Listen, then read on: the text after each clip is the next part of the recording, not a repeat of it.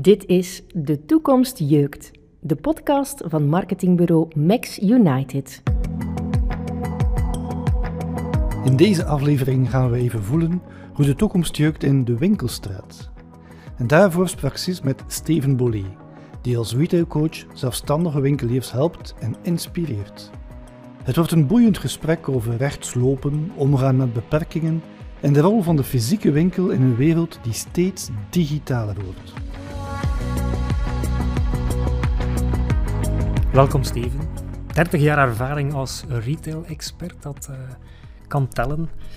Kan je ja, ons eens vertellen hoe jouw dagtaken eruit zien en wat er misschien veranderd is in die 30 jaar tijd?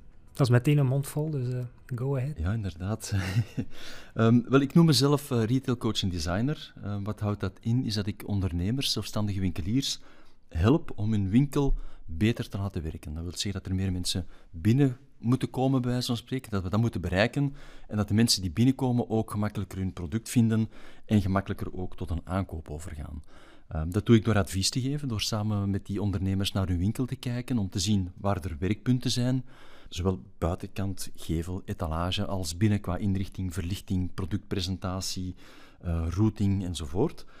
Ik geef daar heel praktische tips bij, telkens op maat van de klant. Dus ik geef geen generieke antwoorden. Ik probeer telkens mee te denken met die, met die klant om daar de juiste uh, dingen te implementeren. En als het kan, met zo weinig mogelijk investering. Dus dat is het adviesgedeelte. Ik geef natuurlijk ook nog een bijkomende dienst, dat ik nog altijd uh, concepten of winkels ontwerp. Dat doe ik minder tijdsgewijs als ik alles samen bekijk. Maar effectief doe ik dat ook nog altijd, is commerciële omgevingen vormgeven. U doet dat eigenlijk de laatste jaren iets meer voor de lokale handelaar. Is dat een bewuste switch geweest uh, naast die uh, grotere ketens, de grotere merken waar je voorheen voor werkte? Ik heb ongeveer een 25 jaar in uh, verschillende bureaus gewerkt om daar commerciële concepten uit te werken, te bedenken en, en te ontwerpen. Uh, voor heel wat Belgische winkelketens, ook een aantal buitenlandse winkelketens. En die know-how die ik daar heb opgedaan, heb ik een vijftal jaar geleden verschaald naar advies voor de zelfstandige ondernemer. Dus eigenlijk dat die mechanismes, die commerciële mechanismes zijn dezelfde, maar het gaat er gewoon om hoe kan je die gaan vertalen naar ja, één enkele winkel. Hoe kan je daar toch die maken dat daar ook een, een meeromzet kan gegenereerd worden. En die switch is er gebeurd vijf jaar geleden, omdat ik eigenlijk, toch moet ik het zeggen, ik was die grote, lange projecten eigenlijk een beetje beu.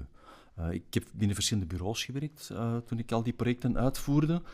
En dat zijn trajecten die vaak 6, 7, 8, 9 maanden duren. En mijn toegevoegde waarde zit vooral in het begin, het commercieel juist zetten van een concept, minder bij de implementatie, de opening van de winkel zelf. Ja, ik, ik ben daar eigenlijk ook een beetje in opgebrand toen. En heb ik gewoon gezegd van kijk, ik ga even mijn hoofd leegmaken en terug eens even naar de basis grijpen, naar die zelfstandige winkelier. Want ik vind dat die nog altijd naast die grote ketens die ook hun, hun bestaansrecht hebben, heeft ook die zelfstandige winkelier bestaansrecht en verrijkt die ook de lokale winkelstraat. En heb ik gezegd van kijk, ik ga die mensen nu eens meehelpen om hun zaak op de kaart te zetten en beter te laten werken. En dat is een andere manier van werken. Iets dichter bij de handelaar zelf? Dat zijn één-op-één gesprekken. Daar praat je met de, de, handelaar die met zijn eigen centen bezig is. Als je met uh, ketens aan het samenwerken bent, en ik werk er nog altijd mee samen, en dat is een heel fijne samenwerking, maar dan zit je toch met, met, met een, een team samen die ja, telkens vanuit hun eigen expertise, marketing, sales, uh, de CEO enzovoort, management, uh, bepaalde objectieven hebben.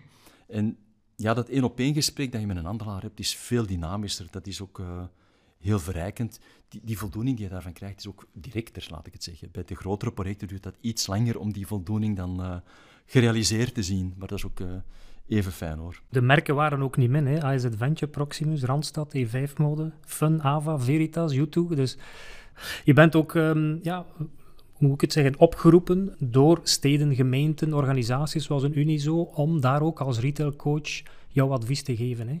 Ja, dat klopt. Dus het is niet alleen rechtstreeks naar de zelfstandige ondernemer dat ik werk. Uiteraard krijg ik daar ook redelijk veel vragen van.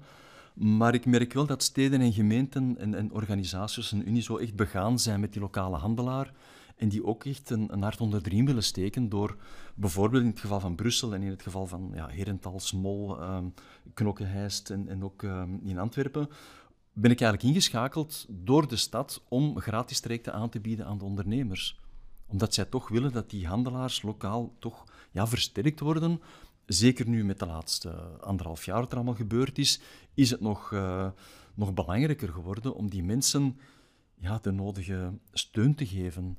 In het geval van Antwerpen zit ik in een team waar ook nog andere uh, competenties uh, vervat zijn. Dus ik vind dat wel heel fijn, heel positief dat die steden en die gemeenten die initiatieven ook nemen. Je bent ook designer van opleiding. Gebruik je dat vandaag ook nog effectief? ik ben eigenlijk productontwikkelaar van opleiding, dus dat is industrieel ontwerper. En ja, dat leer je natuurlijk andere competenties, want daar leer je objecten te ontwerpen, hoofdzakelijk die je in je hand kan nemen, die je kan gebruiken.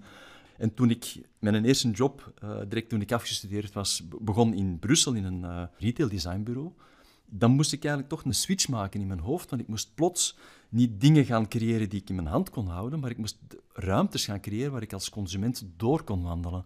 Het is een hele andere aanpak. Dat is, dat even een kort leerproces geweest, maar even boeiend, want uh, je gaat veel meer inspelen op het gebruik van een ruimte, wat helemaal anders is, of het, het, ervaren van een ruimte, dan het gebruiken, het betasten van een product. Ja, een hele, hele boeiende ja, verandering in, uh, in mindset misschien voor een stuk. Zit dat ook in, in, jouw aanpak? Ik lees ook op je site dat je een acht punten methodiek hebt. Dat doet me dan denken aan, oké, bin there, done that. Elk project is ongeveer hetzelfde, maar je zei daar straks, ja, nee, elke handelaar heeft weer nieuwe uitdagingen en zo. Wat zit er in die acht punten methodiek? Wat zijn de, de rode draden? Wel, die acht punten zijn niet specifiek uh, dingen die de ondernemer moet doen. Dat is eigenlijk voor mij een leidraad, een kader rond de fundamenten van een goede fysieke winkel. En als ik presentaties geef, en ik geef ook regelmatig webinars of, of live presentaties rond die acht fundamenten, dan gaat het bijvoorbeeld over de gevel en de etalage. Wat is de functie van die elementen? De eerste indruk als je binnenkomt, de structuur van de winkel, de service-elementen, dat zijn allemaal fundamenten. En als je die juist aanpakt, dan krijg je een winkel die ook goed functioneert. Goed functioneert voor de handelaar om daarin te werken, maar even goed functioneert voor de bezoeker, voor de consument die binnenstapt en die die winkel dan intuïtief kan gaan gebruiken of gaan beleven en de juiste producten vinden. Heeft elke handelaar zo'n coach nodig? Kan een handelaar niet zelf ook uh, bedenken wat er beter moet? Je hebt er effectief die heel, um, daar heel hard mee bezig zijn. Maar natuurlijk, waar de ondernemer in eerste instantie mee bezig is, is zijn klant, is zijn zaak runnen, het dagdagelijkse. En daar is de laatste jaren nog veel meer bijgekomen dan vroeger, want nu moet hij even goed bezig zijn met zijn website, moet hij ook op sociale media actief zijn enzovoort. Dus die heeft nog minder tijd om eens even afstand te nemen en met een kritische blik naar zijn winkel te kijken. En dan is het voor mij, ja, met mijn bagage en ervaring, gemakkelijk, tussen haakjes, om daar binnen te stappen en heel snel op een aantal werkpunten te kunnen wijzen. Daar heeft die man of die vrouw niet altijd de tijd voor. En soms hoor je wel effectief van, ja, ik weet dat wel hoor, maar... En heel logisch, ik geef ze daar ook gelijk. Ik zeg, ja, jullie moeten je winkel runnen vandaag de dag. Dat is cruciaal, klanten bedienen. Mijn rol is gewoon om, om jullie daarin te gidsen, om jullie daarin te inspireren, om dat te vergemakkelijken, om dat te, te realiseren. Dus mijn credo is wel dat ik tracht om ondernemers tips te geven, advies te geven waar ze zelf mee aan de slag kunnen. Ik wil ze zoveel mogelijk maken dat ze dat zelf gaan doen en dat ze kunnen merken wat het effect ervan is. Als ik gewoon zeg van je moet dit doen en je moet dat doen, dan is er ook geen uh, ownership. Dan gaan ze dat ook gewoon zeggen, ik moet dat uitvoeren, maar ik snap nog altijd niet waarom, of ik voel het niet wat het effect ervan is. Dan moet ik toch wel meegeven dat ze dat echt zelf moeten doen. Het kunnen ook vaak heel kleine dingen zijn die voor grote verbeteringen zorgen ja, soms is het in hele eenvoudige oplossingen dat het ligt. Een van mijn stokpaardjes bijvoorbeeld, die ik toch altijd meegeef, is ervoor zorgen dat de naam van de winkel binnenin zichtbaar is. Hoe vaak stap je in een winkel binnen en staat er nergens de naam van de zaak die herhaald wordt? Klanten worden soms verleid, of passanten worden verleid door een presentatie in de etalage, worden getriggerd, zeggen, oké, ik wil hier binnenstappen in die winkel. Dan duwen ze de deur open en ze beginnen te winkelen. Maar voor ze binnenstappen gaan ze niet eerst naar boven kijken om te zien van hoe noemt die zaak hier. Nee, ze stappen impulsief binnen. En dan is het belangrijk om binnen die naam van die winkel nog eens te zien. Als dat niet gebeurt, dan kopen ze misschien, of gaan ze terug naar buiten, maar zeggen ze wel van kijk, hier moet ik zeker nog eens terugkomen. Maar dan hebben ze in een anonieme ruimte gewinkeld of ontdekt. En dan kan je moeilijk naar huis gaan en dan echt verder gaan vertellen van je moet eens naar die winkel gaan, want enzovoort. En dan zeg van ja, maar ik ken de naam niet van die winkel. dan kan je geen mond-aan-mond reclame voeren zoals het zou moeten. Dus uh, ja, zorg dat de klanten jouw naam binnen in de winkel toch eens gezien hebben. Dat is uh, een heel eenvoudige tip die ik vaak meegeef. Een van de getuigenissen op Stevens website looft de creatieve manier waarop hij met beperkingen weet om te gaan. Waar zijn de beperkingen bij de lokale handelaar dan groter dan bij de stevige retailketens? Beperkingen zijn er altijd. En uiteraard, de zelfstandige ondernemer heeft iets meer beperkingen vandaag de dag nog, nog steeds, zeker na COVID. Dat wil zeggen dat de financiële middelen heel beperkt zijn. En dan zit de beperking natuurlijk in, in hoe kan je creatief zijn met de middelen die er zijn, om toch die winkel een boost te geven, dat die, ja, dat zakencijfer terug naar boven gehaald kan worden. Maar evengoed merk ik toch dat bij um, de grotere ketens diezelfde bewustwording is van kijk, we, twintig jaar geleden kon er met geld gesmeten worden, moest om de zeven jaar een winkelconcept volledig vernieuwd worden, moest alles afgebroken worden, opnieuw opgebouwd. Zelfstandige ondernemers deden dat ook, maar dat is niet meer realistisch vandaag de dag. Ook niet in de mindset van de consument. Want die vindt dat ook verspilling. Dus je moet gaan meedenken met hoe kan je met kleine ingrepen veel effect bereiken. Je benoemde zelf al even uh, tussen de regels door zakencijfer. Je spreekt ook op de site heel vaak over het rendement van wat jouw advies betekent. Uh, hoe meetbaar is een verandering van een winkelinrichting? Dat is niet gemakkelijk. Degene die dat kan meten is de ondernemer natuurlijk zelf, want die kan een voor-na cijferanalyse maken.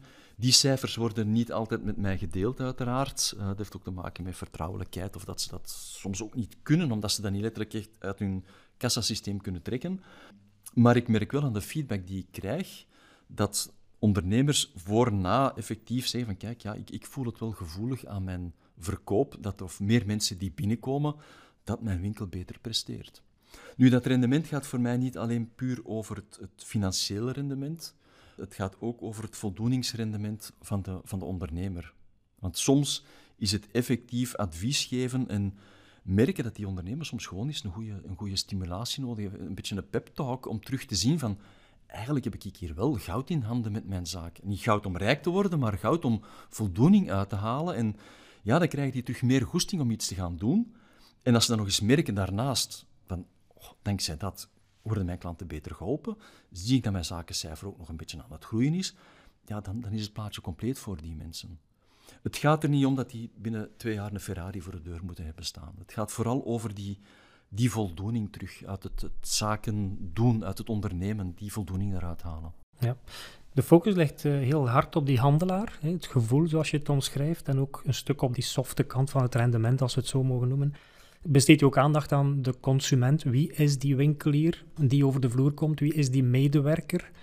Ga je daar ook op in? Ga je, of ja, kun je daar echt wel berusten op jouw jarenlange ervaring om die consument te begrijpen in zijn aankoopgedrag? De eerste partij die ik moet begrijpen, en zo begint vaak ook een coaching traject, is dat ik eerst ga luisteren. Ik ga luisteren naar hoe dat die ondernemer vandaag de dag werkt. Wat, die, ja, wat zijn aanpak is. Waarom dat hij eigenlijk s'morgens met goesting naar zijn zaak toe stapt om de deur open te doen. Zijn, zijn een drive. Daar uh, luister ik vooral naar. En uiteraard ook van wie zijn de klanten vandaag de dag die daar binnenstappen. Zit daar ook een match tussen? Is dat duidelijk voor die klanten waarom dat ze bij die ondernemer moeten gaan binnenstappen?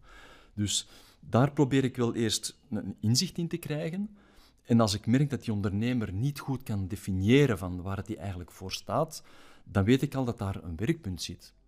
Als die zijn passie niet goed kan naar buiten toe brengen of niet goed kan vertellen aan zijn medewerkers, ja, hoe kan je dan verwachten dat de klant weet waarom dat hij daar binnen moet stappen?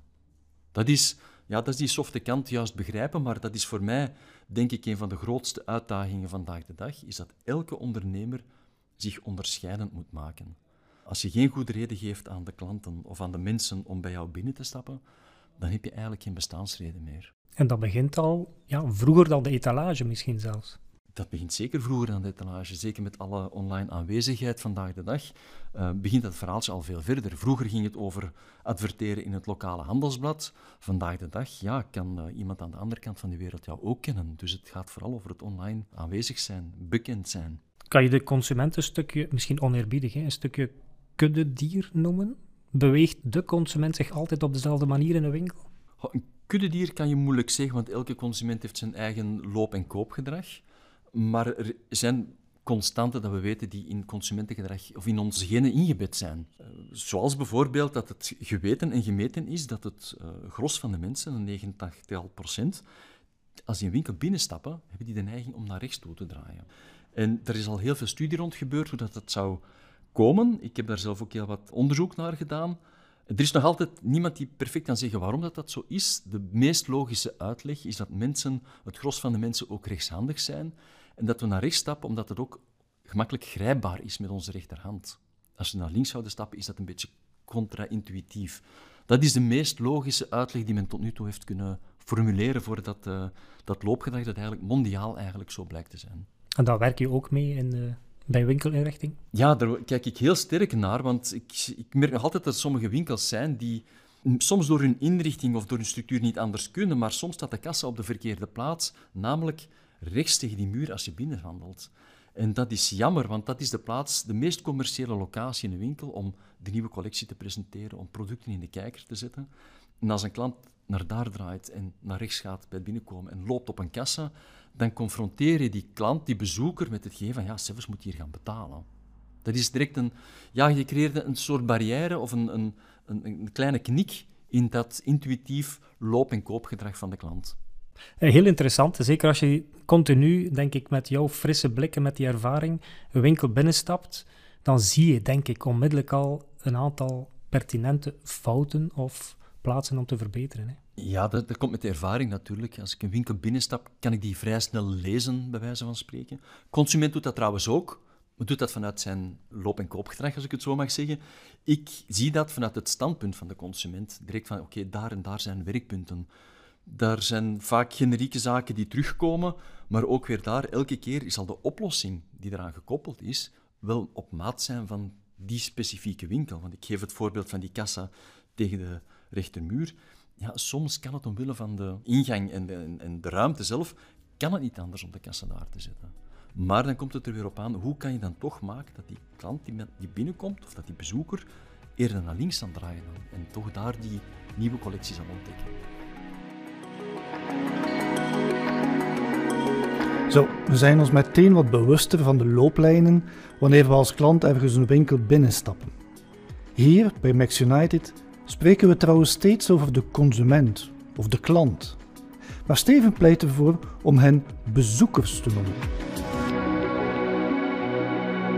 Ja, ik, ik heb, uh, ik heb dat gehaald eigenlijk uit een gesprek dat ik een drietal jaar geleden had met uh, een ondernemer uit Brussel. Die dat zei van, ik zie mijn klanten als bezoekers. En hij ging nog een stapje verder. Hij zei, voor mij zijn klanten mijn gasten. Dat zijn genodigden. Ik, dat is mij bijgebleven. En uiteraard klopt dat verhaal heel goed. Want als je mensen die binnenstapt gaat zien als genodigden, als gasten, dan ga je die ook helemaal anders gaan benaderen en behandelen en begroeten.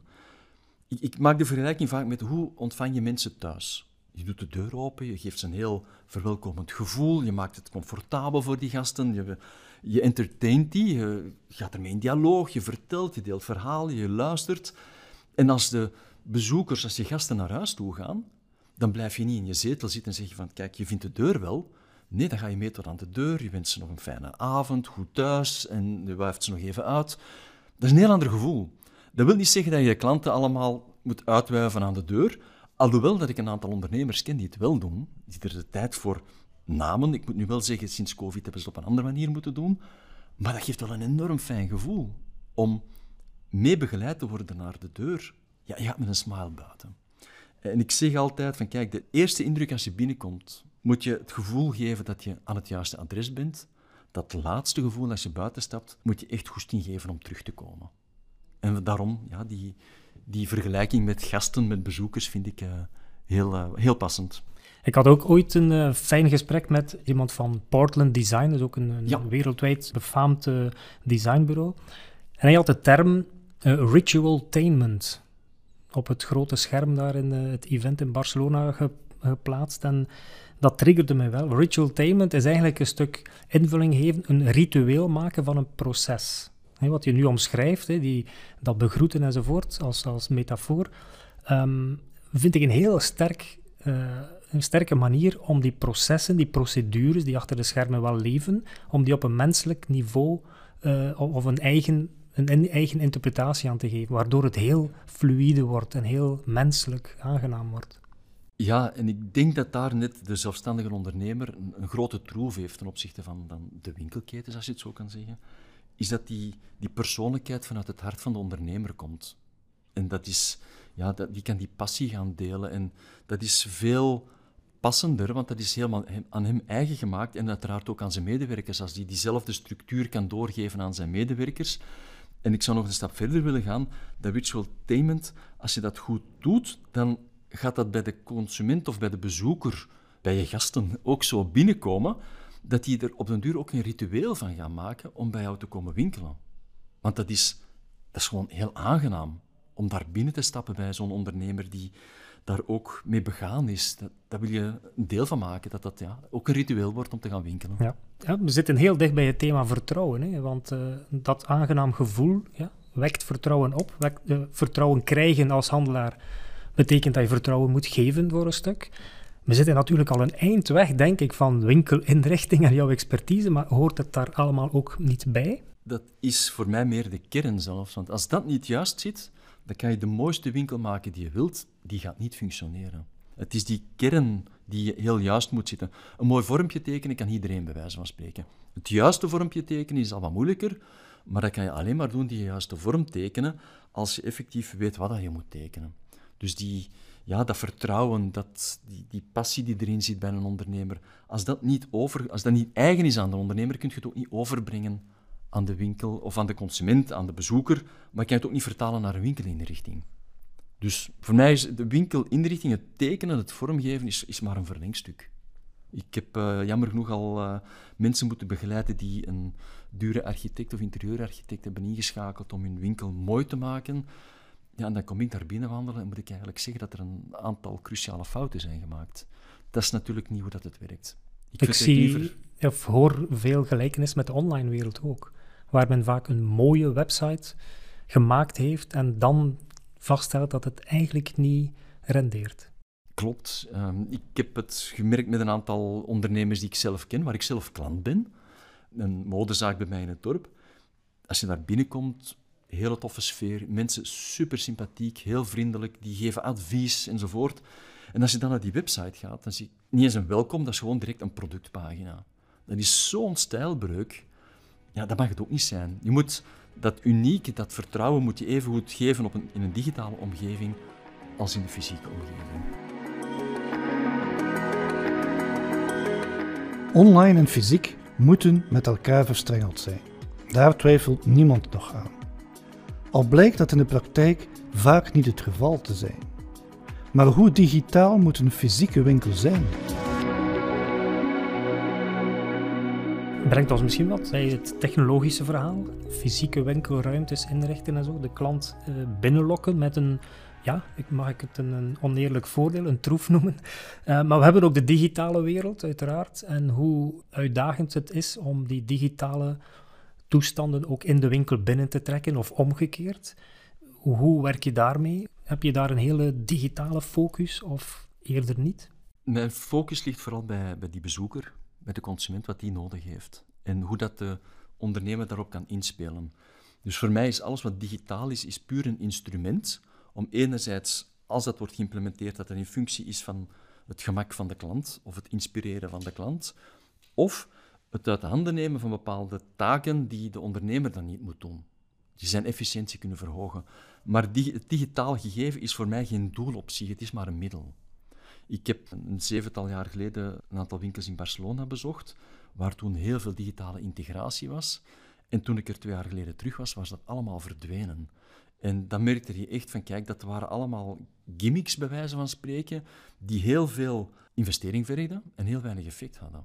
Want het moeilijkste van digitale communicatie is niet het scherm ophangen. Dat is heel gemakkelijk. Het moeilijke zit in de juiste content erop te krijgen en telkens nieuwe content erop krijgen. Ik zie te vaak nog winkels waar een scherm hangt dat gewoon uitstaat. En zeggen ah, of vergeten op te zetten, dat is ook al een issue, of twee, ja, we hebben geen content. Dan stopt het verhaal ook daar. Dus uh, het moet een middel zijn om dingen te bereiken, geen doel op zich.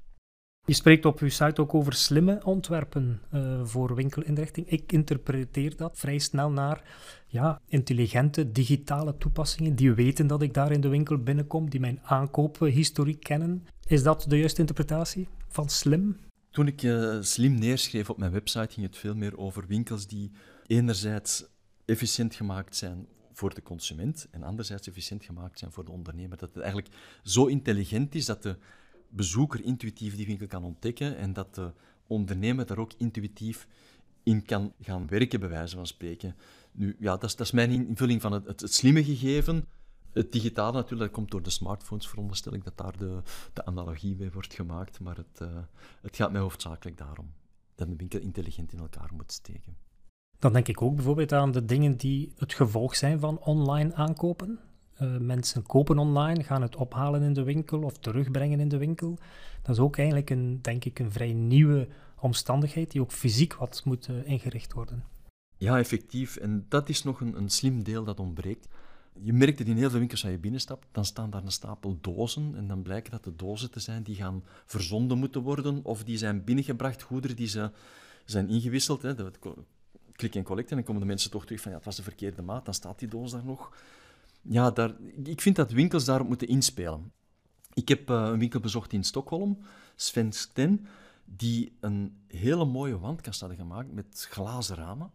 En daarachter stonden allemaal mooie zakken met daarin de producten die klanten hadden besteld om op te komen halen. Nu, als je dat ziet, die kast, en met die communicatie die daar bijgevoerd wordt, dan voel je van, wauw, ik kan ook online bestellen en dat hier gewoon heel efficiënt komen afhalen. En mijn pakketje, dat zit hier al bijna een cadeau ingepakt die ik aan mezelf kan geven. Dat is een heel ander gevoel. Ook de pakketten die verstuurd gaan worden, die liggen vaak te wachten op de koerier achter de balie of ze liggen verstopt in de stok. Maar als je daar een mooi meubel kan voorzien van kijk, hier liggen de pakketjes die zo dadelijk naar gelukkige klanten vertrekken, en je vertelt er nog een leuk verhaal rond, dan geef je ook wel een heel sterk signaal aan, aan, je, aan je klanten, aan de, de mensen die in jouw winkel rondlopen. Dus ja, op die manier kan je ook slimme winkels gaan maken, effectief. Er was ook nog een mooie term die mij, die mij opviel: post-purchase regret. Leg dat eens uit. Dat komt eigenlijk vooral door het uh, online gegeven. We zijn allemaal verwend door de Zalando's van deze wereld, waar je gewoon aan mas kan bestellen en terugzenden zonder kosten, uh, thuis passen. Die grote spelers die kunnen dat aan, alhoewel dat, dat voor hun soms ook wel een, een big issue is. Uh, maar voor de lokale ondernemer gaat dat niet praktisch is dat heel onwerkbaar, totaal niet uh, rendabel. Dus je moet ervoor zorgen dat je je klant zo goed mogelijk advies kan geven, online of offline, dat wat hij koopt, dat hij daar gewoon 100% tevreden mee is. Je wilt niet dat klanten constant pakjes komen terugbrengen, want dan ben je eigenlijk meer bezig met een logistieke invulling van je winkel dan eerder een servicegericht gegeven waar je echt de klanten optimaal kan, kan gaan helpen om de juiste producten te vinden. Door corona en het online kopen zijn veel consumenten wat rationeler geworden. Online sta je nooit in een wachtrij, dus aanschuiven aan de kassa wordt wat lastiger. In Nederland hebben ze er zelfs een term voor bedacht: de wachtmerrie. Voelt Steven ook dat snelheid en gemak aan belang winnen in de fysieke winkel? Wel, het is onderzocht geweest ook effectief. Retail Sonar heeft er een studie naar gedaan en het blijkt dat winkels die hebben ingezet tijdens corona op die convenience, dat die hun zakencijfer met 15% is gestegen. En convenience gaat niet alleen maar puur over dat snel afrekenen, dat is ook belangrijk, maar gaat ook over de bereikbaarheid van die winkel, parkeergelegenheid rond die winkel.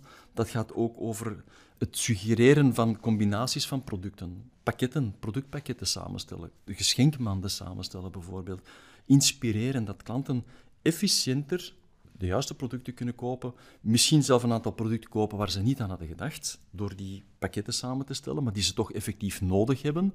Ja, zo maak je het allemaal gemakkelijk. Door gewoon op alle fronten mee te denken met jouw klanten.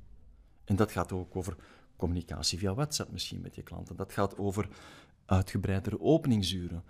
Ten tijde van de lockdown zag ik dat er uh, heel wat mensen of ondernemers op de, een, een affiche op de deur begangen van kijk, wil je iets komen afhalen? Klop maar op het glas. Dat is niet zo convenient.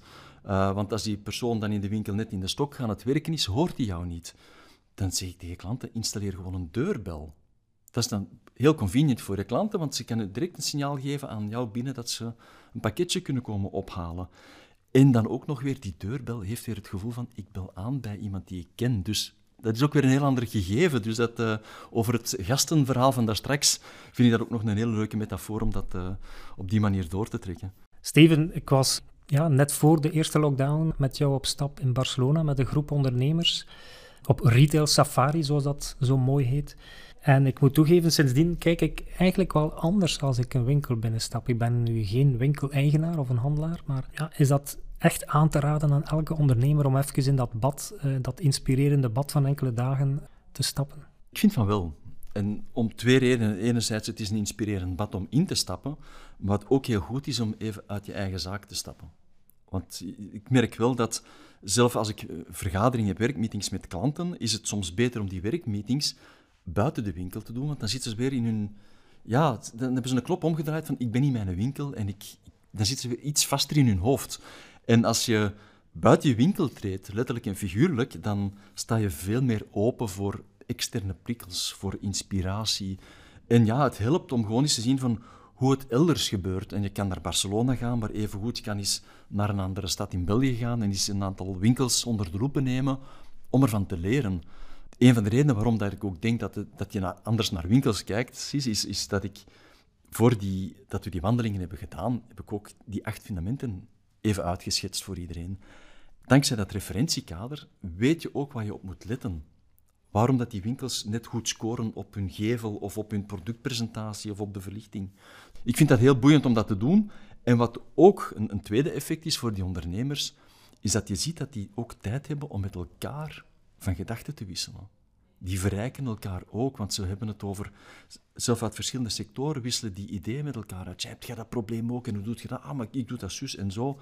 En dat is fantastisch om ook die, die interactie te zien. Dus het is verrijkend op twee manieren. Het is uh, gedachtenuitwisseling, het is een, een lerend netwerk op die manier met andere ondernemers. Um, en het is effectief uh, goede voorbeelden ook zien in ja. het buitenland. Je selecteert natuurlijk prachtvoorbeelden in, in wereldsteden, om het uh, zo te zeggen. Zijn er ook kleine winkels die op dat vlak wel een groot voorbeeld kunnen zijn? Toch zeker. Uh, als ik ook in België door winkelstraten wandel, zie ik soms uh, ontdek ik nieuwe ondernemers. Ik zeg, wauw, die doen dat goed. Dan begin ik foto's te nemen en dan begin ik met die mensen te praten om er meer over te leren. En dan deel ik dat weer met andere klanten natuurlijk ook, of dan verwerk ik die in mijn presentaties. Je hoeft niet heel groot te zijn om innovatief te zijn. Ik vind net dat die, de meest innovatieve oplossingen in de, de kleine details zitten. Die ook heel weinig geld kosten om eigenlijk iets mee te gaan, te gaan doen.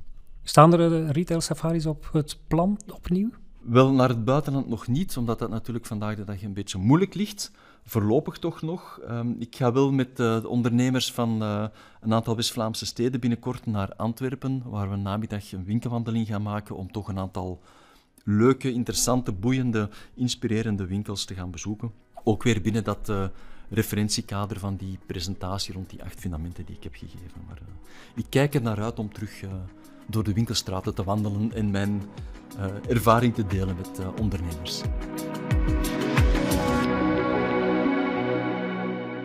De podcast hebben we De Toekomst Jeugd gedoopt.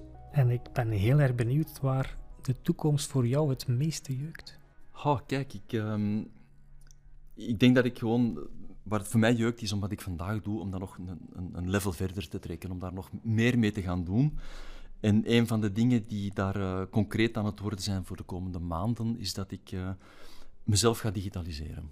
Uh, dat klinkt een beetje ingewikkeld of een beetje abstract, maar ik, ga mijn, ik ben bezig om mijn kennis, die ik vandaag deel door seminaries, door individueel klantenadvies te geven, om dat in een website te bundelen, in een soort lessenpakket, een, een leerplatform, waar ondernemers zich op kunnen inschrijven en eigenlijk met oefeningen, met uh, observaties, met inspiratie zelf aan de slag kunnen gaan om hun winkel te gaan verbeteren. Dus ik, uh, waar ik bij wijze van spreken enerzijds overbodig word met ze het zelf kunnen doen, dankzij die omgeving.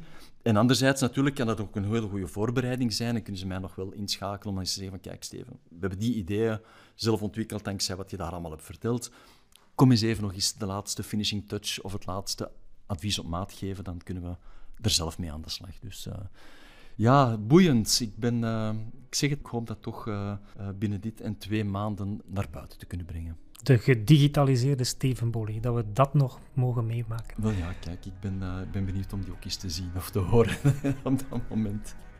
Merci voor de babbel, Steven. En uh, ja, heel veel succes met die plannen die op tafel liggen. Hè. Het was uh, fijn om hier te zijn. Dankjewel. De fysieke winkel is vandaag één van de kanalen waar de bezoeker langs kan komen.